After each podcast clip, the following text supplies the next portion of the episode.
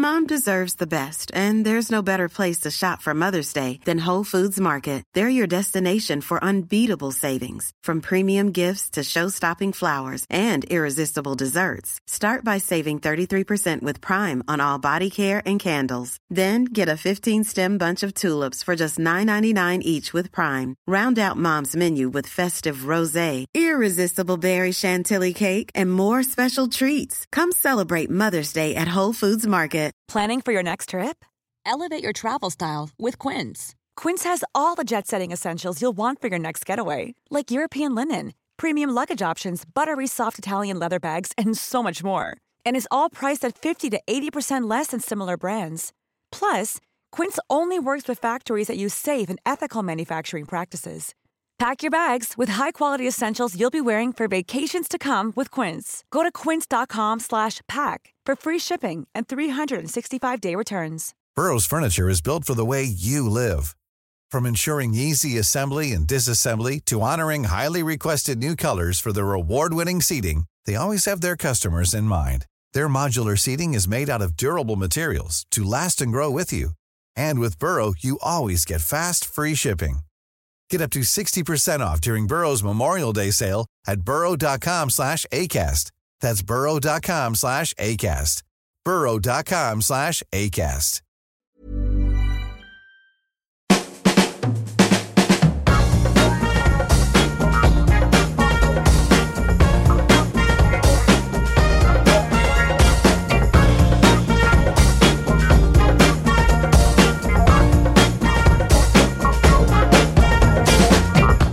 Välkomna till Health for Wealth, en podd om hälsa på arbetsplatsen. Det här är vår tredje säsong, avsnitt 38. Jag heter Boel Stier och är copywriter och kommunikatör. Jag heter Ann-Sofie Forsmark. Jag är hälsostrateg, civilekonom och hälsocoach. Och förra gången Boel så pratade vi om konflikter. Och, ja, vi fokuserade på arbetsplatsen, men de, de finns ju överallt. Konflikter som både kan gå i stå, men också föra oss framåt om vi klarar av att hantera dem på ett konstruktivt sätt. Mm. Och det där med att klara av är ju bra att komma ihåg när man är i affekt och känslorna svallar. Eh, jag har själv svårt att liksom inte hamna där ibland. Men jag gillade det han sa om att man behöver prata. Mm. Ibland handlar det om att bara behöva, eller faktiskt våga säga till den man är arg på att man är det och varför. Mm. Och man kan behöva ta hjälp just med att separera fråga och person. Och sådär. För oftast ja. grundar det sig i någon, någonting annat än, än att man inte gillar personen. Eller något ja. som har hänt. Han gav oss lite bra analysredskap. Lyssna på det avsnittet om ni är nyfikna. Och när det här avsnittet släpps, då är det bara två dagar ut från Skandias hälsoforum. Och där pratade vi, vet vi redan nu, om många intressanta saker som vi får återkomma till. Men en av dem var Skandias hälsoapp som heter Virgin Pulse. Och det vi gillar med den, vilket Skandias hälsostrateg Kristina Hagström också beskrev, är just att den kanske inte attraherar de som redan är väldigt fysiskt aktiva, aktiva eh, lyckra människorna, men gör det lätt för någon som vill öka sin hälsofrämjande motion och eh, fler, få till fler hälsovanor och komma igång med eller bibehålla dem. Mm. Jo, men precis det här att det ska vara enkelt att använda, eh, låga trösklar och inte så liksom hög eh, kanske tävlingsfaktor faktor eller svettfaktor, utan bara det här börja, börja röra sig i arbetsvardagen. Börja och bibehålla. Mm. Mm. Och de här aktiviteterna som eh, tillgodoräknas då, de genererar poäng i den här appen. Och sen går det faktiskt att lösa ut eh, de aktiviteterna i form av friskvårdscheckar på upp till 1000 kronor per år. Och det här uppmuntrar ju då i sig till fler goda hälsosamma vanor, mm. så det blir verkligen win-win. Det kan vara ett sätt att jobba på, kanske inspiration, vad vet jag. Mm. Mm. Mer om den här appen kan du läsa under skandia.se snedstreck friskare medarbetare. Ja, men nu dags för dagens gäst. Det här är vår första gäst som får komma tillbaka, så jag känner mig väldigt ärad. Tack så mycket. Fredrik Karlsson från Twitch Health, välkommen hit. Tack så mycket. Vad händer hos er just nu? Ja, det var ju ett tag som vi såg, så det har hänt ganska mycket. Funderade på det när jag gick hit. Eh, men, men framförallt så, det pratas ju väldigt mycket om psykisk hälsa och psykisk ohälsa och vi har funderat rätt mycket på hur kan man jobba med det i vardagen och just nu så piloterar vi en, man kan säga en stegräknartävling fast för hjärnan. Uh, och vi kallar den för Mental Energy Challenge och det gör vi internt nu då. Så man får massa övningar och på ett socialt och roligt sätt så använder vi en digital plattform för att som främjar beteenden som främjar psykisk hälsa. Så det är inte bara en massa så logiska pussel? Nej, det är inte bara pussel. Det är inte bara tusen bitar och blå himmel, utan det är en massa andra saker. Alltså beteende som att göra sina svåraste arbetsuppgifter på morgonen. Det kan vara att planera sin dag, det kan vara att uppmuntra en kollega, att ringa en vän som man inte har pratat med på väldigt länge uh, och så vidare. Så att liksom, främja beteenden som gör att man, man mår bra, men med fokus på det mentala. Det, låter, ja, det låter väl lite som time management också. Jag tänker att några av de där punkterna brukar komma upp när man ska strukturera sin arbetsdag för att få mer gjort. Men det går ju hand i hand med att vara lugn i huvudet, om man ska säga. Ja, det är klart att det, det går ju, alltså allting vävs ju samman på något vis. Uh, så att time management blir väl någonstans en förutsättning för att man ska ha tid för sina vänner och ha tid för de sakerna som är, är viktiga i ens liv. Och time management, är det en app eller vad är det för någonting? Ja, det är nog bara ett begrepp. Det låter inget bra på svenska, för det blir så här, hantera... Att man har en metod ja. för att hantera sin tid helt enkelt. Jag har en, en föreläsning som heter Bättre tider. Mm. Ja, så det är den svenska. Ja, mm. vad ni kan. Men vad mm. intressant mm. och eh, super, ja, superintressant. Ni kör en pilot, alltså ni, ni, testar det här internt för att se om ni kanske kommer att jobba med kunder med det här också, eller? Ja, exakt så. För vår upplevelse är väl att på marknaden så om jag om man får sticka ut hakan lite och hårdra det lite så kanske man inom psykisk hälsa å ena sidan kör en inspirationsföreläsning om stress. Eh, eller så väntar man tills medarbetarna går in i väggen eh, och rehabiliterar och däremellan så gör man väldigt lite. Eh, och det vi egentligen tycker saknas på marknaden och saknas hos företag är att arbeta på ett både främjande och förebyggande sätt och göra någonting inom psykisk hälsa. Uh, och då vill vi testa och se om det finns andra metoder som är bättre. Uh, så då testar vi alltid på oss själva. Smart. Mm, smart. Mm. Jag tycker det låter jätteintressant. Jag vill höra hur det går sen. Ja, det ska jag berätta om sen. Mm. Eh, och idag ska vi ju prata om någonting annat som du har stor erfarenhet av, alltså framgångsrikt eh, hälsoarbete i, på arbetsplatsen. Mm. Men vi, vi kände väl att vi kanske skulle behöva börja med att försöka definiera det. Eh, och då får du börja. Hur, hur, hur skulle du definiera ett framgångsrikt hälsoarbete? Ja, jag tänker att först behöver man kanske definiera hälsa. Um, och, och, om vi tar den korta definitionen så skulle jag vilja mena att det handlar om fysiska, mentala och sociala faktorer, så det är ett brett begrepp. Så att vi eh, tar oss utanför motionsspåret lite, uh, och morötterna och, och eh, råkosterna. Ja. Eh, eller hur? Tack. Eh, då har vi, då har vi, har vi, har vi samma, samma bild på det. Eh, så det är väl det ena. Eh, och då har vi väl definierat hälsa och hälsoarbete då. Och vad, vad är det i så fall? Ja, jag skulle vilja säga att det är allt som ett företag gör för att förbättra arbetsmiljön och hälsan i syfte eh, att skapa både välbefinnande men också framgång för företaget. Um, så skulle jag vilja definiera hälsoarbete. Uh, sen kan man ju fundera vad, vad är framgångsrikt då? Um, det är ju också kanske ett föremål för, för definition. Um, och i någon mening så är det väl varje företag har väl en möjlighet att bestämma vad målsättningen är med deras hälsoarbete. Um, och då kanske komplexiteten är, vi får väl se om vi kommer att prata om det idag, men att många bolag kanske inte sätter mål för sitt hälsoarbete. Så det är ju svårt att nå det. Eh, men om man då har ett mål så skulle framgång vara eh, ett hälsoarbete som gör att man når sina mål eh, inom, inom hälsa. Då. Mm. Kort och gott. Ja. Det låter väldigt självklart, men det kan mm. ju vara ökad produktivitet eller det kan vara ökat välbefinnande eller minska kostnader för frånvaro eller att man har stärkt sitt arbetsgivarvarumärke eller ja, man kanske har en viss, ett, ett, mål om en viss deltagandegrad i ett, i ett hälsoarbete. Skulle, det skulle också kunna vara en målsättning. Mm, just det, så det finns mål som det kan krävas väldigt mycket för att uppnå. Och sen kan man sätta mål som kanske ligger närmare och är lite lättare att nå. Ja, precis. Mm. Det skulle jag vilja säga.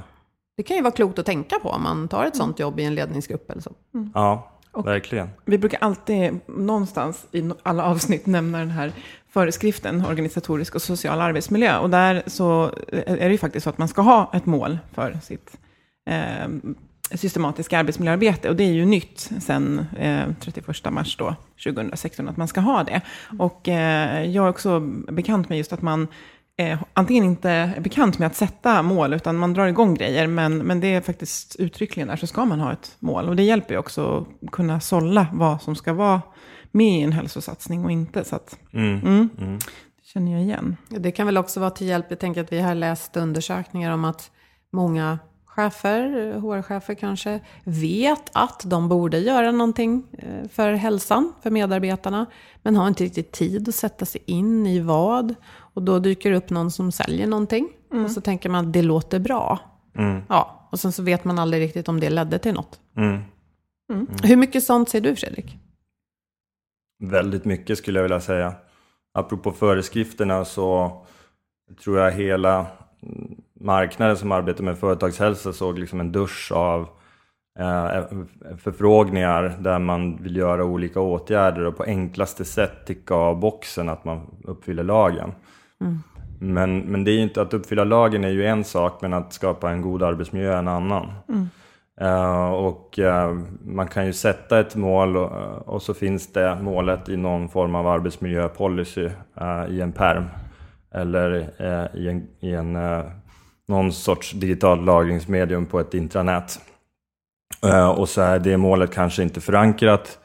Eh, ingen känner till det, ingen förstår det och så skapar man inte rätt beteenden heller så, som leder till målet. Och då, eh, ja, då kanske man bommar lite grann på det. Så syftet, syftet med lagen är ju ändå att skapa en god arbetsmiljö. Och har man en god arbetsmiljö så blir det bra för medarbetarna och bolaget. Det, det har ni pratat mycket om i den här podden. Mm. Ja, nej, det går verkligen hand i hand. Men det är ju väldigt ofta som eh, folk liksom drar upp luvan eller drar ner ja, huvudet när man börjar prata om arbetsmiljö. För att det ordet är inte, upp- upplever jag i alla fall, inte, för mig är det så här lönsamhet, produktivitet och det är liksom för er också uppenbarligen. Men, men det är ju fortfarande många som tänker, ja men det är ju den där checklistan som man ska fylla i fortfarande. Och lite förvånad att det fortfarande känns så på många ställen att det ordet, det är inte det som är kopplat till businessen, utan det är något man betar av. Mm. Ja, det är intressant med ord. Och hälsa är ju ett mycket mer inneord som många går igång på. Men också tolkar in väldigt många olika saker i. Ja, ja. ja, men vissa ord blir ju lite förbrukade. Om man så säger. Så att rent retoriskt i en ledning kanske man får använda andra ord då. Och inte skapa sig själv uppförsbacken att använda slitna ord redan. Eller kanske fel, ord som feltolkas väldigt ofta. Så kommunikationen där är ju jätteviktig. Ja, men jag lyssnade på någon, någon intervju om men hur man skapar den bästa arbetsplatsen, den mest attraktiva arbetsplatsen för unga talanger till exempel. Och så lyssnar man på vad som kategoriserar det och så tänker man ja, det där är också en, eh, det som krävs på en, en, en arbetsplats där man trivs och mår bra. Så att det går ju hand i hand, men igen beror på vilken infallsvinkel och vilka begrepp. Ja, Men ni jobbar ju med att stötta företag och organisationer att just skapa hälsofrämjande och framgångsrika eh, satsningar. Och eh, ska vi försöka närma oss och prata om vad som är framgångsfaktorer, även om det inte kommer bli en tipslista på Fredriks fem tips. Men, men var skulle du vilja börja om du vill beskriva hur man ska ta sig an det här? Mm. Det, det är ju ett ganska, som du säger, det är ett ganska stort område, så jag vet inte om jag får ner det till fem tips, men vi, vi får väl se var vi hamnar någonstans. Vi börjar någonstans. Men jag, jag tänker så här att vi, vi har ju redan pratat om målsättningar, uh, så det är ju någonting som man behöver fundera igenom. Um, å ena sidan kanske underliggande, varför ska man arbeta med hälsa överhuvudtaget i organisationen? Uh, och sen vad vill man då uppnå med det arbetet? Därför att det kommer sen bli styrande då för vilka aktiviteter man ska göra och hur man ska designa sitt hälsoarbete för att nå det målet. Och skapa rätt prioriteringar också. Så det tänker jag är, är, är nummer ett. Har du några exempel på eh, vad man kan ha, alltså hur man kan besvara den frågan, varför, på lite olika sätt? Jag tänker någon kanske säger, ja, för att locka till sig de medarbetare vi behöver men inte hittar. Kan jag tänka mig. Eh, Vad, vad kan det mer finnas? Bara för att må bra? Eller? Mm, ja, absolut. Ja, men det, det, det är väl egentligen då, om man tittar på frågan varför och varför ett företag överhuvudtaget ska satsa på hälsa. Ehm, så kan det ju vara, som du nämner, employer branding, att man behöver locka till sig talanger och vi vet att uh, millennials, de bryr sig mycket om upplevelsen på arbetsplatsen eller var, var än de befinner sig. Eh, så det är en viktig faktor. Ehm, en annan kan ju vara att man har hög sjukfrånvaro. En tredje kan vara att man inser att eh, vid varje given tid, om man är tusen anställda, så kommer man ha kanske 25 procent av medarbetarna som, som sover dåligt på natten och det påverkar produktiviteten rätt så rejält. Så att det kan vara skälet att vi vill höja produktivitet. Det kan också vara värderingar, ren omtanke. Eh, att vi bryr oss. Vi vet att ehm, fastän man har mycket folkhälsoinformation, fastän det finns massor med gym och eh, massor med information kring kost och stress och sömn, så verkar vi inte få till det. Eh, så att man som arbetsgivare kanske tänker att man är en del av lösningen också. Mm. Man kan bidra till folkhälsan och uh, folkhälso uh, ja, informationen och faktiskt få någonting att hända. Mm. Mm. Alltså, så det kan ju vara den underliggande, uh, det underliggande varför man gör det. Mm. Bland annat. Alla lika viktiga egentligen. Ja, ja. ja. Men såklart, alla står med olika, mm. med olika utmaningar. Ja.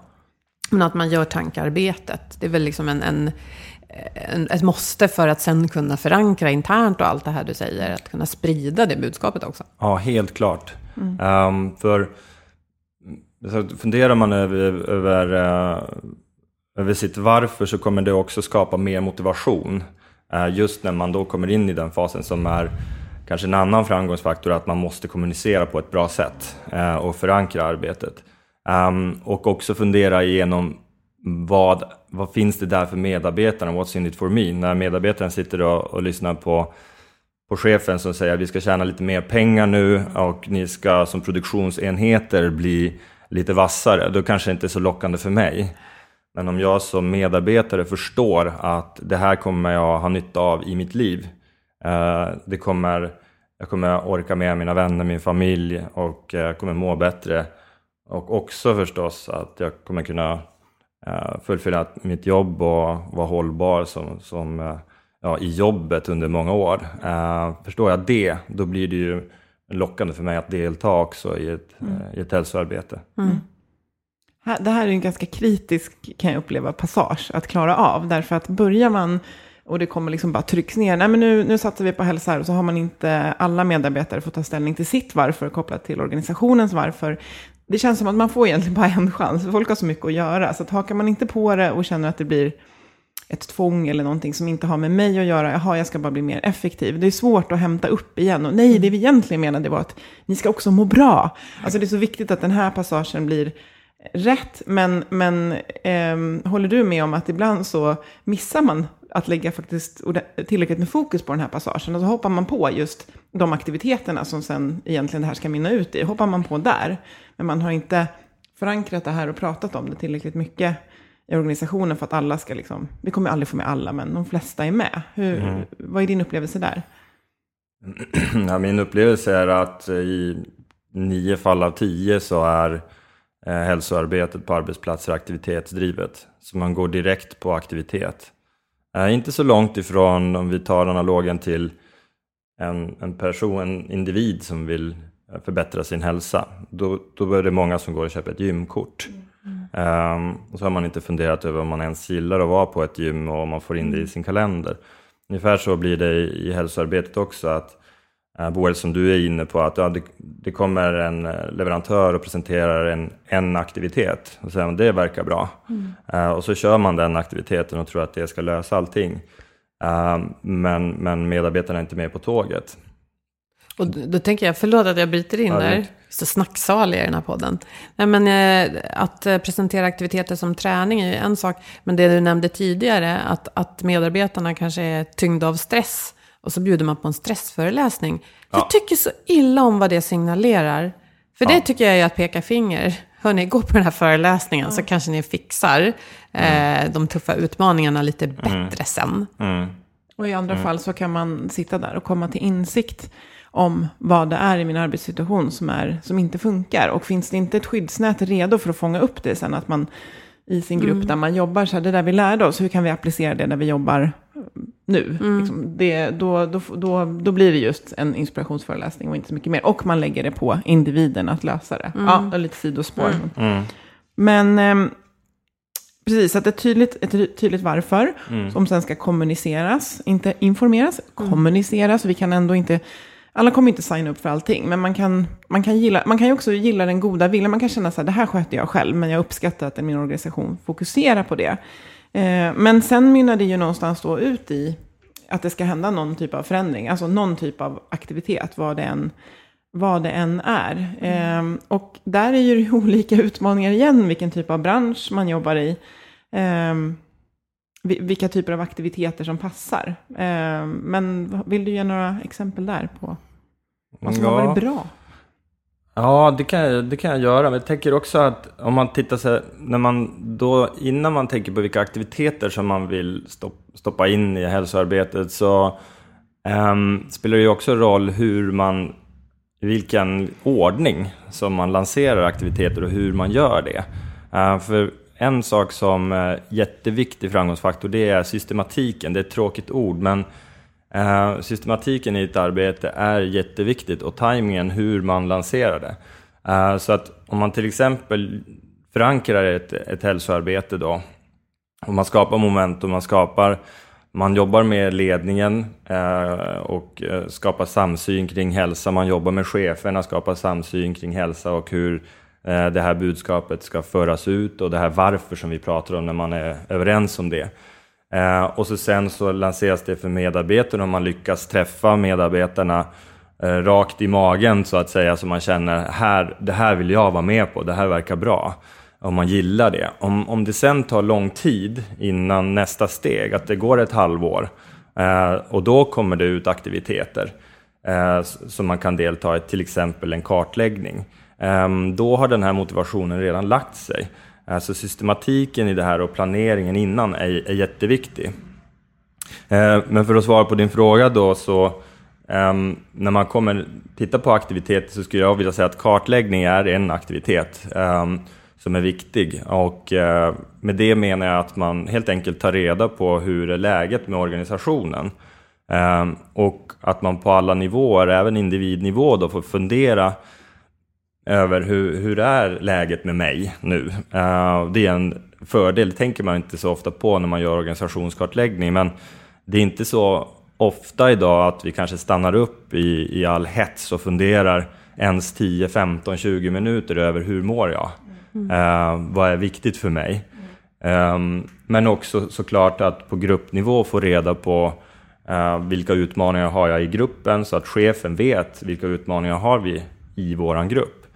Eh, och sedan också såklart i organisationen för att kunna lyfta fram inte minst eh, den ekonomiska potentialen då och den utvecklingspotentialen som man har i organisationer. Så kartläggning blir en viktig aktivitet. Eh, ytterligare en aktivitet då är själva återkopplingen av eh, av en sån här, ett sånt här resultat. För det är också kommunikation. Eh, igen kommer den in genom hela den här systematiska processen. Och, och i den eh, kommunikationen så är det viktigt att man involverar medarbetarna också. Eh, så chefen kommer för en grupp, då, om jag är teamchef för en grupp, så jag kan ju omöjligen veta eh, vad som till exempel stressar medarbetarna. Jag, det är svårt för mig att själv veta om mitt budskap har gått fram med mina, min förväntansbild på medarbetarnas prestation till exempel, eller deras roller. Och bara för att jag en gång har sagt, jag sa ju i januari vad, vad ditt mål var och din roll var, så ändras ju saker. Och det är inte säkert att medarbetaren känner det. Så där är återkopplingen då av resultatet viktigt att medarbetarna är med på, att man eh, tillsammans jobbar eh, fram en, en handlingsplan. För det blir mycket, mycket mer verkningsfullt då. Men här beskriver ju du organisatoriska och sociala faktorer. Ja. Och eh, jag skulle säga att marknaden överflödas just nu, kanske lite överdrivet, av eh, företag som eh, tillhandahåller tjänster där man just kan mäta väldigt mycket hur det står till. Och i det här fallet som du beskriver, då är ju eh, initiativtagarna till satsningen, de vill mäta för de vill agera på resultatet. Ja, korrekt. Eh, men ganska vanligt är ju att man tror att bara att mäta hur medarbetarna mår.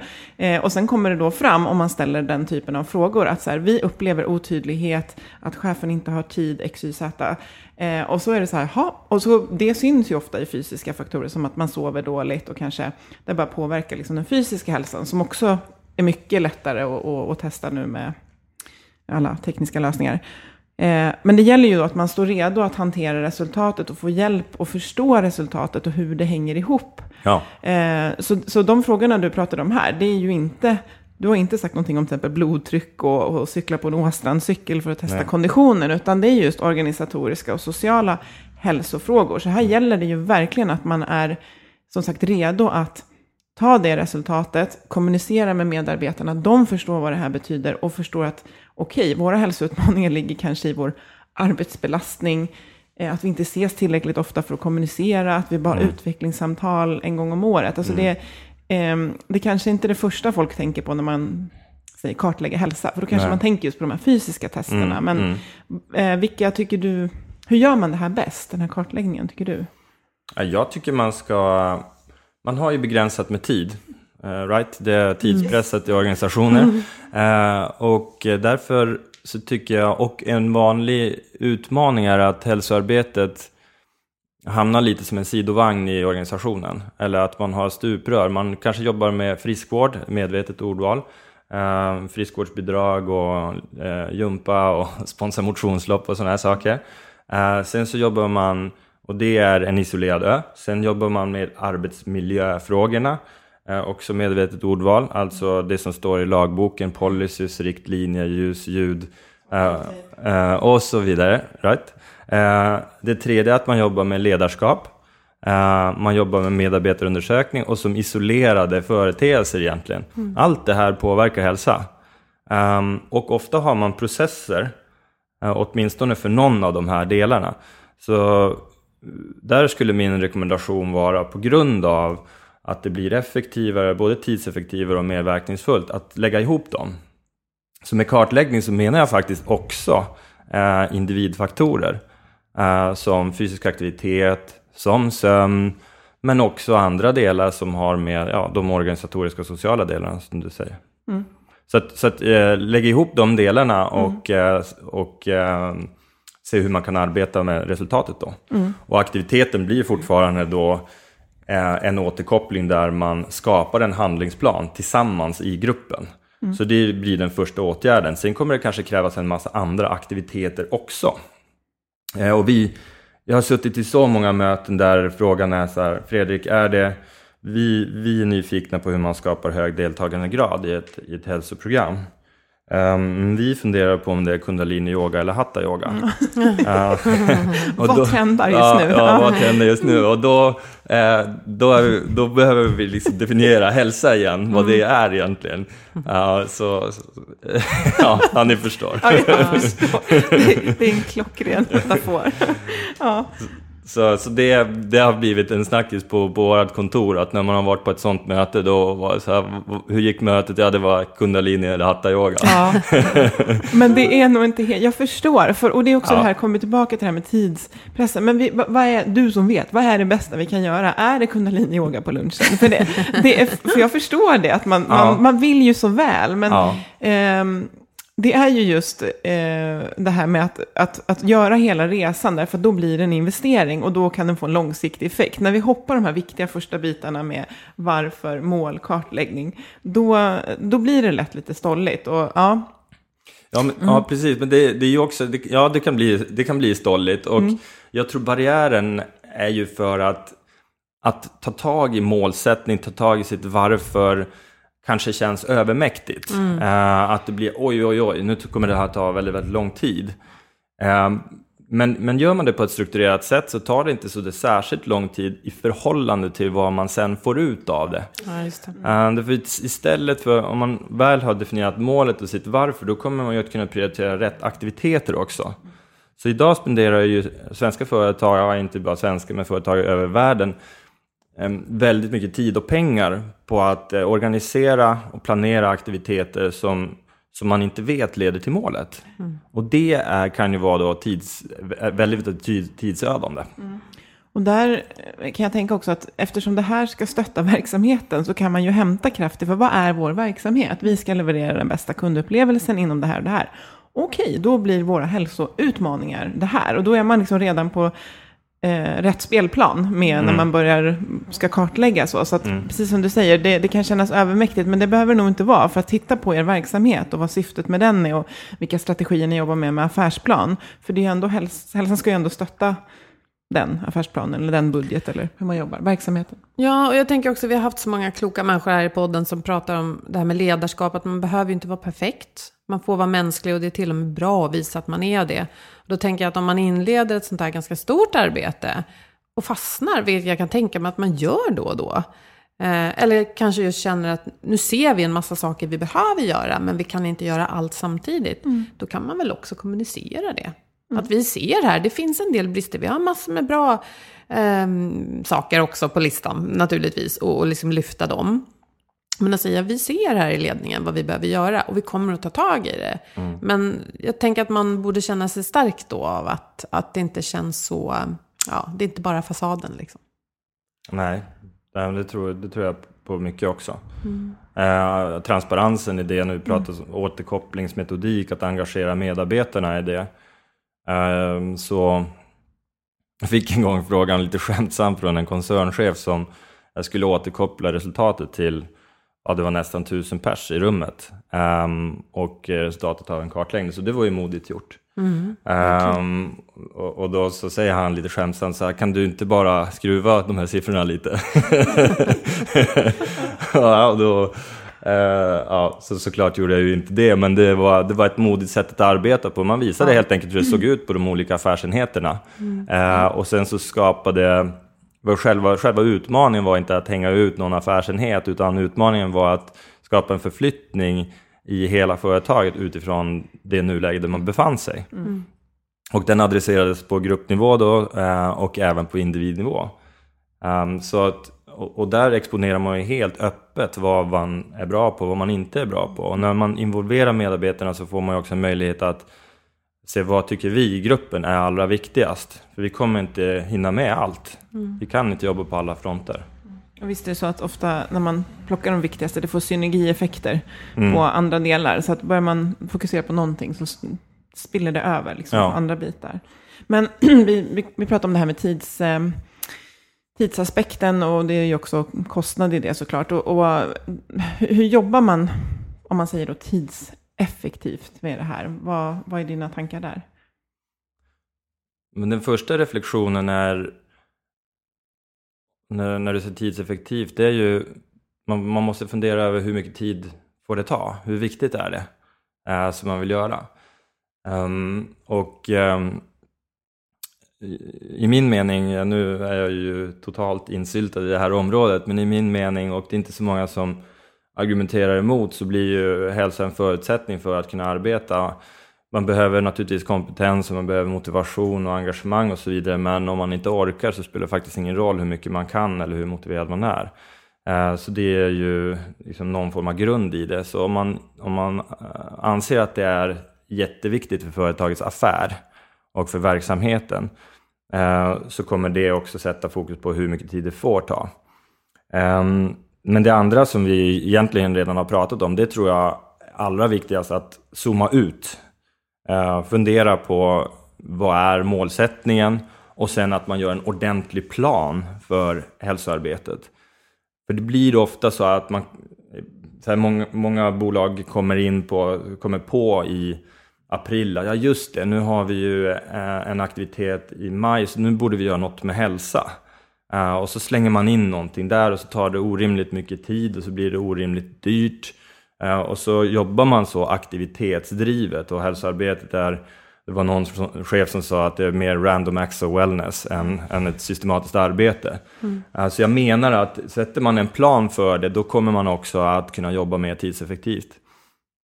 En annan sak är, som jag tror är skälet till att eh, många företag också har jobbat mycket med hälsa, är att det finns många eldsjälar eh, på företagen som gillar hälsa och de gillar olika, ibland träningsaktiviteter och sådär. Och då tar de initiativ och så får de loss lite pengar för det och så gör man saker.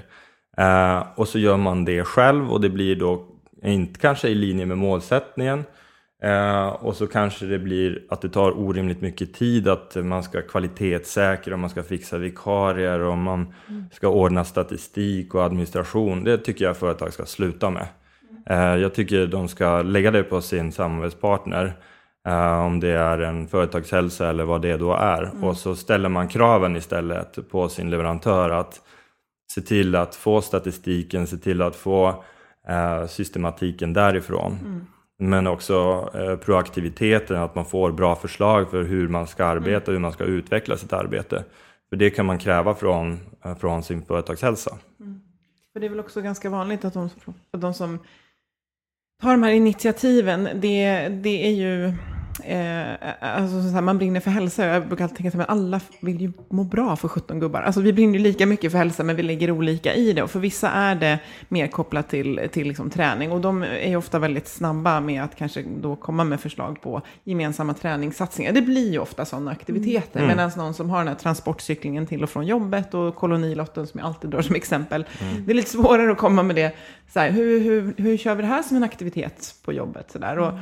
Då, då, krävs det ju just det här igen, att komma tillbaka till sitt varför, sitt mål. Och, och då kan man säga, det är inte, det är absolut inget fel. Det är jättekul om man går ihop och sportar ihop på jobbet. Ja, men ja, ja. man ska också känna att så här, ja, min hälsa kräver någonting annat. Eller för mig passar någonting annat och då finns det utrymme för det. Men oftast blir det ju, om man frågar vad människor gör, organisationer gör för hälsa. Jo, men vi har eh, gemensamma pass varje, flera gånger i veckan. Mm. Det, det svaret kommer väldigt snabbt och mm. tidigt. Mm. Och det är ju en aktivitet som kan vara nog så förankrad, men det är ju inte one size fits all. Men man kan så. säga att det räcker inte och att det kanske inte ska ta fel slags plats. Det är inte det som ska driva hälsoarbetet. Nej. För annars Precis. tänker jag det här att medarbetare som tar initiativ som många, alltså som man ändå kan få med många mm. på, det mm. borde man ändå uppmuntra. Ja, Men sen är ju frågan ja. om det ska ske inom ramen för arbetstid eller inte och sådana här grejer. Ja, ja, jag säger inte att man ska sluta uppmuntra initiativ och, och medarbetarengagemang. Det är verkligen inte så. Men däremot så att systematisera det och uh, skapa en riktning på det, det mm. menar jag att man kan förvänta sig från sin samhällspartner. Mm. Uh, och, uh, och, och, och, en annan sak när det gäller tidseffektiviteten som vi redan har berört, att försöka lägga ihop processerna och allt som har med hälsa att göra hamnar i en process. Mm. Mm. Uh, det får du jättegärna beskriva lite mer konkret. Ja, jag kan ta ett exempel. att De allra flesta företag gör ju idag medarbetarundersökningar på ett eller annat sätt. Um, en gång per år eller så har man någon form av pulserande verktyg som skjuter frågor och så vidare. Man mäter temperaturen i organisationen. Uh, och så har man en process för det. Och sen så kanske man gör någon annan form av hälsokartläggning och mäter livsstil och beteende och hälsa, så upplevd hälsa, stress, sömn och så vidare. Och sen så är det en process mm. och man återkopplar det på någon annan gång på året. Mm. Lägg ihop de här två delarna så kommer du ha, kan skjuta två frågor i batterier för det kanske krävs. Uh, och sedan så återkopplar du det samman, som samtidigt eh, om man skapar en handlingsplan. För de här hänger ju ihop, de här delarna förstås. Mm. Eh, och då har du helt enkelt plockat bort eh, en två timmars återkopplingsworkshop, vips, mm. Eh, och sparat in en hel del tid. Mm. mm. Så det, det, är ett exempel på det. Mm. Då kommer vi in på lite, för då pratar du lite stuprör och att det är bättre med process. Men eh, det är ju ofta så att hälsa brukar hamna under HR. Alltså det är en fråga som, det är personalfråga och det hamnar under HR. Eh, men vi, ja, som vi pratar om det här, det, det, det, funkar inte riktigt så. Det berör ju hela verksamheten. Men hur, vad är din erfarenhet från när det är HR som driver frågan kontra när ni kommer in till vad ska man säga, verksamhetsvägen? Mm. Så, vad har du för mm. erfarenhet där? Ja, det, min erfarenhet är att det, om det är isolerat är HR eh, som inte har förankrat sina idéer eh, hos ledningen. Så isolerat HR att det brukar ta väldigt lång tid. Uh, det tar lång tid att fatta beslut. Uh, man kanske inte har mandat att fatta beslut. Eller så har man mandat att fatta beslut men man har ingen budget. Uh, och utan budget så blir det svårt. Um, så, så att det tar, tar lite längre tid. Men det kan ju ofta så vara om, om HR har förankrat arbetet ordentligt i ledningsgruppen. Uh, då, då fungerar det på ett bra sätt och att man har mandat från ledningen. Um, ett exempel på det skulle jag kunna ta, ta något som Länsförsäkringar är ett företag som har jobbat väldigt, väldigt länge med hälsa. De är, ja, deras hälsoarbete togs upp i litteratur för hälsopedagoger för det här var ganska många år sedan. Och hälsoarbetet har levt sedan ja, 90-talet egentligen och fortsätter. Eh, så där har HR drivit frågorna men alltid haft ledningens mandat. Eh, och eh, då menar jag Länsförsäkringars ledningsmandat, det är inte samma ledning 95 som nu. Mm. Men det är någonting som har levt kvar i organisationen. Och det i sig då visar effekt på kulturen mm. nu. Mm. Ett exempel på det är att man, jag tror att det var förra året när Länsförsäkringar gjorde sin medarbetarundersökning och så um, fick man de Frågan var hur man uppfattar Länsförsäkringar som arbetsgivare och eh, vilka ord man förknippar med arbetsgivaren. Och så fick man återkoppling, sån här ordsvärm. Uh, och det som stack ut var hälso och friskvård, stod det där. Och den är då helt öppen den frågan och det är intressant. Mm. Uh, och, och troligtvis skulle jag säga då en konsekvens av den kultur man har skapat under många, många år. Just det, för kultur tar tid att kultur bygga tar tid, mm. ja precis. Um, så att, eh, så att hastigheten i processerna, men det går väldigt bra att förankra också. Men jag tror grundläggande så kan det vara så att HR funderar ju mycket på de här frågorna eh, och kanske är eh, primade också att den, när man söker in på PA-linjen, PAO-linjen eller vad man då går för utbildning så är man intresserad av de här frågorna. Mm, mm. och så funderar man jättemycket på det i vardagen. och sen så så man har helt enkelt hela kartbilden hos HR. Eh, man, man, har hela, man, man kan kopplingarna mellan företagets affär och produktivitet kanske. Eh, man förstår de, eh, de sambanden. Och sen så kommer man in till en ledning som inte som för en halvtimme sedan började fundera på frågan när underlaget kom till ledningsgruppsmötet. Så det tar ju också lite tid att förankra, men väl gjort så går det ganska så snabbt, är vår erfarenhet. Jag tänker att den kompetensen som du beskriver, som ju finns och ska finnas inom HR, är ju otroligt värdefull med om man tänker just sådana här kunskapsintensiva företag som alla i stort sett är nu kontra kapitalintensiva som det har varit historiskt. Så det är väldigt värdefullt. Men det, det känns som det fortfarande många upplever en utmaning att, att få ihop det. Men på, på vissa organisationer funkar det ju faktiskt väldigt bra när HR är en integrerad kompetenspartner i de här frågorna. Då funkar det ju mycket bättre. Men Mm. Jag tror det du beskriver är, många känner igen sig i det. Ja. Så. Mm. Mm. Ska vi eh, titta bakåt och se vad vi har fått med oss ja, här nu då? Ja. Vi, vi, börjar ju alltid med varför. Ja, precis. Ja, skönt att göra det den här gången också. Ja. ja. Och det är så lätt att säga, men vi vet att det tar tid att ta tag i de här frågorna. Men det du sa Fredrik är att bättre stanna där en stund och göra det jobbet bra. För att det man får ut sen är så mycket mer värdefullt. Mm. Och det handlar då om att veta varför man ska satsa på hälsa. Eh, för att också kunna sätta upp målen. Eller hur? Ja, mm. precis. Och sen kommunicera det. Ja. Mm. mm. Och så kartlägga ett nuläge. Ja, mm, som är lite bredare än eh, akkumul- vad ska man säga, snittblodtrycket mm. eh, och snittkondisen. Utan man, man tar in alla de undersökningarna man har och använder dem. Och det är ju också ett sätt att kan jag tänka, spara tid. Att man faktiskt, ja men vi har ju medarbetarundersökning, vi har ju och systematiska arbetsmiljöarbete och vi har ju våra hälsokoller. Alltså lägga ihop det, för det visar ju ändå på samma bild egentligen. Ja, precis. Mm. Men det kontinuerliga arbete man gör, även om man måste tänka i termer av tidseffektivitet och så, är ju också att sätta en kultur. För när man upprepar ord ofta som har med hälsa att göra, mm. det bidrar ju till att sätta kulturen i väggarna. Ja, precis. Mm. Så en, en framgångsfaktor i sig är ju långsiktigheten också i arbetet. Mm. Ja. Att det, vi får ibland frågan så här, om vi gör en insats inom hälsa nu, kom, kommer medarbetaren alltid må bra då? Mm. Eller hur länge kvarstår effekten? ah, nej. det, det, det, men det funkar ju lite som kompetensutveckling, man måste mm. fortsätta att arbeta. Ja. Därför jag, jag gillar ordet hälsoutveckling, att ja. det är liksom en kontinuerlig process och ett kontinuerligt arbete som man jobbar med. Mm. Det är inte ett tema eh, år 2017, utan eh, nu är det ju en hälsotrend, det här ordet som jag får utslag av. Utan nej, det här är långsiktigt, så här, we're in it for the long run. Liksom. Då blir ja. det, och det blir ju också en trygghet, jaha, det var inte bara en trend ja. i år, utan vi ska jobba med det här länge, okej. Okay. Ja. Mm. Och är man långsiktig, då kommer det gå upp och ner. Man kommer möta på motstånd, ibland kommer det vara medvind. Ja. Och det här med transparensen tyckte jag kändes viktigt att få med också. Att mm. Det är helt okej okay att berätta när det inte går så bra, vad man behöver jobba mer eh, på. För ja, den visst. transparensen mm. ger eh, medarbetarna en känsla av att man får ta del. Ja. ja, men lite, man kanske liksom kan också få skoja till det då lite. Hörrni, kommer ni ihåg när vi körde kundalini-yoga där på hela ja, konferensen? Ja, att det blev ju jättetokigt, så det kommer vi inte göra om igen. Men däremot så slänger vi in en promenad här istället. Promenadmöte. Ja, Man ska inte skämmas för det, det ska man inte göra. Och det behöver inte vara fel att göra teman heller, som vi är inne på. Utan nej, om, de, om de temana är riktade på vad man har sett i sina kartläggningar över behovet är så kan man jobba med mm. det temat för att det är vår utmaning just nu. Ja. Uh, som du mm. säger Boel, det går upp och ner och man har olika utmaningar över tid. Ja. Uh, organisationer förändras och så vidare. Så att uh, men det är viktigt, så, så där är det återigen hälsoutveckling, olika ja. utmaningar över tid. Mm. mm. Ja. Härligt. Ja. ja. nu känner jag att jag i alla fall fick massa tankar med mig som jag vill ta med till mitt ja. arbetsliv. Ja, för du har ju liksom arbetsplats att gå till. Ja, ja. men jag har ju det ja. numera. Vi har bytt plats. Ja.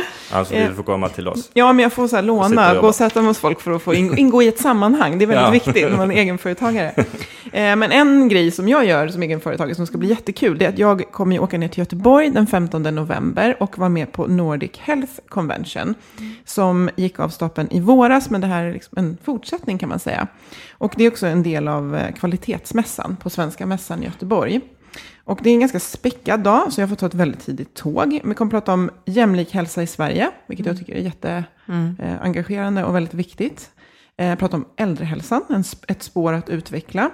Och sen någonting som kommer väl allra närmast mitt jobb i alla fall. Eh, det går inte att köpa sig fri från dålig arbetsmiljö, heter mm. ett seminarium på Bra eftermiddagen. Rubrik. Ja, mm. det ska bli jätteintressant. Och sen prata fysisk aktivitet, en timme om dagen minst, står det. Så ett späckat schema, 15 november i Göteborg på Svenska Mässan.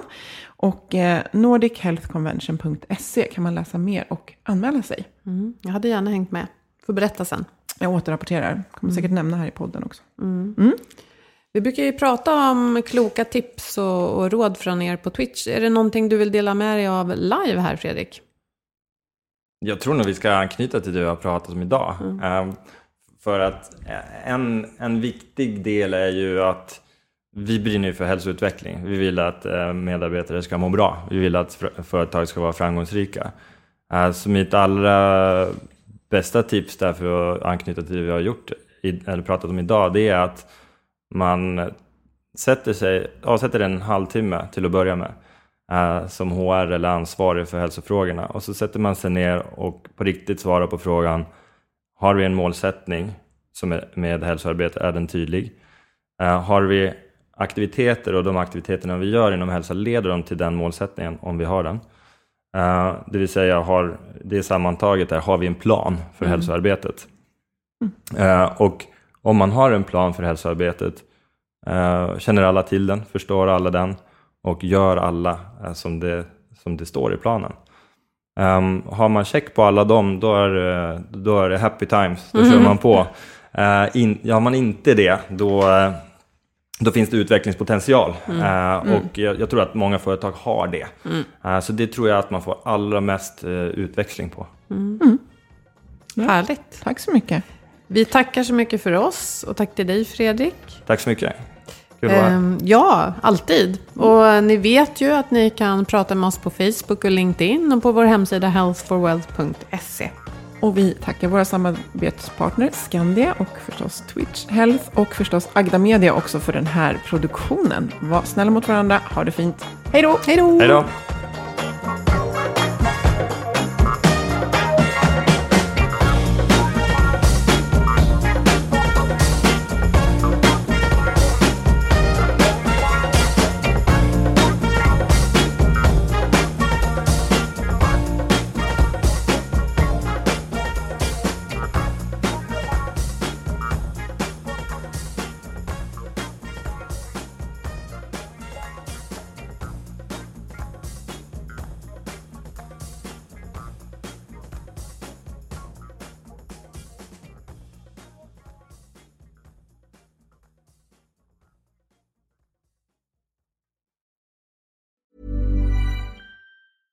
Cool fact a crocodile can't stick out its tongue. Also, you can get health insurance for a month or just under a year in some states. United Healthcare short term insurance plans, underwritten by Golden Rule Insurance Company, offer flexible, budget friendly coverage for you. Learn more at uh1.com. Planning for your next trip? Elevate your travel style with Quince. Quince has all the jet setting essentials you'll want for your next getaway, like European linen, premium luggage options, buttery soft Italian leather bags, and so much more. And is all priced at 50 to 80% less than similar brands. Plus, Quince only works with factories that use safe and ethical manufacturing practices. Pack your bags with high-quality essentials you'll be wearing for vacations to come with Quince. Go to quince.com/pack for free shipping and 365-day returns. Imagine the softest sheets you've ever felt. Now imagine them getting even softer over time. That's what you'll feel with Bowl and Branch's organic cotton sheets. In a recent customer survey, 96% replied that Bowl and Branch sheets get softer with every wash. Start getting your best night's sleep in these sheets that get softer and softer for years to come. Try their sheets with a 30-night guarantee. Plus, get 15% off your first order at bowlandbranch.com. Code BUTTERY. Exclusions apply. See site for details.